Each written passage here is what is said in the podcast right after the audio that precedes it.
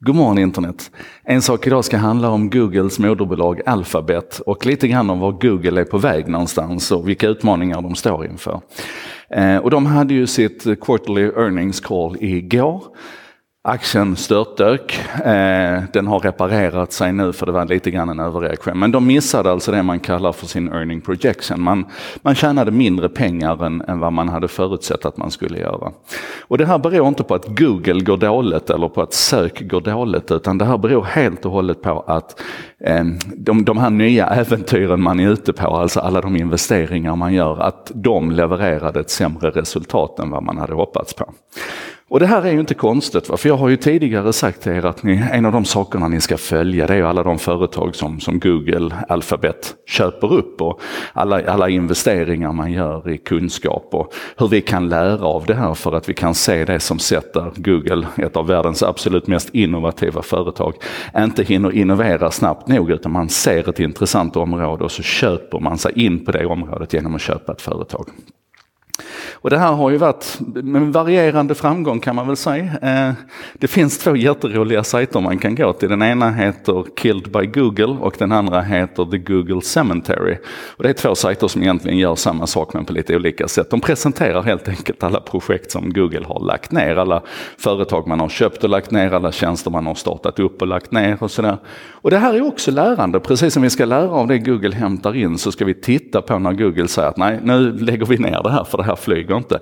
Då ska vi naturligtvis försöka titta på varför. Är det så att man har tagit den här tekniken och lyft in den i någon annan kärnprodukt? Mycket landar i Google Maps, mycket landar i Gmail, mycket landar liksom i i deras erbjudande på, på annat sätt.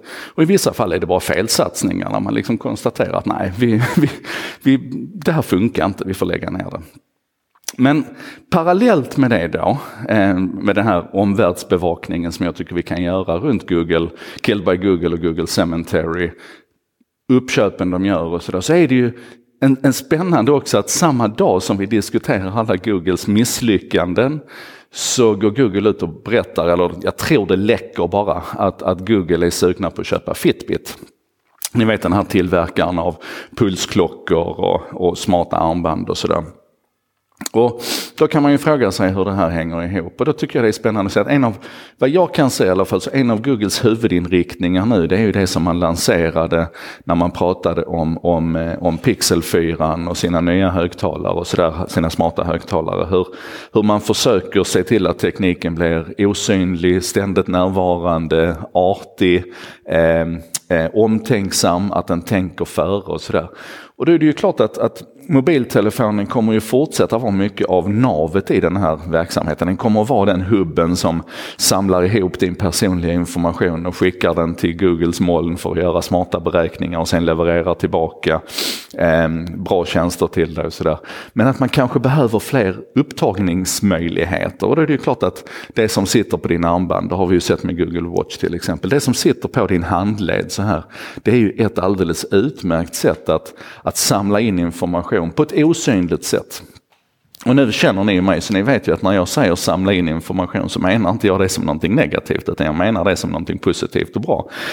Um, och jag, jag, jag, tycker det är spännande att se hur, hur Google nu i och med den här diskussionen runt Fitbit alldeles uppenbart rör sig ytterligare in i det här området av, av icke påträngande teknik. Du ska liksom inte ens behöva ta upp mobiltelefonen och interagera med den. Um, och jag, jag, vi, vi, kan säkert dra en parallell också till när, när, Facebook nu nyligen köpte Control Labs, alltså det här armbandet som, som sitter på din handled och som, som över tid lär sig hur, hur dina eh, impulser från hjärnan funkar. Så att du kan liksom, du kan, du kan, det, det blir som en fjärrkontroll för hjärnan egentligen. Ett första steg mot ett slags brain to computer interface egentligen.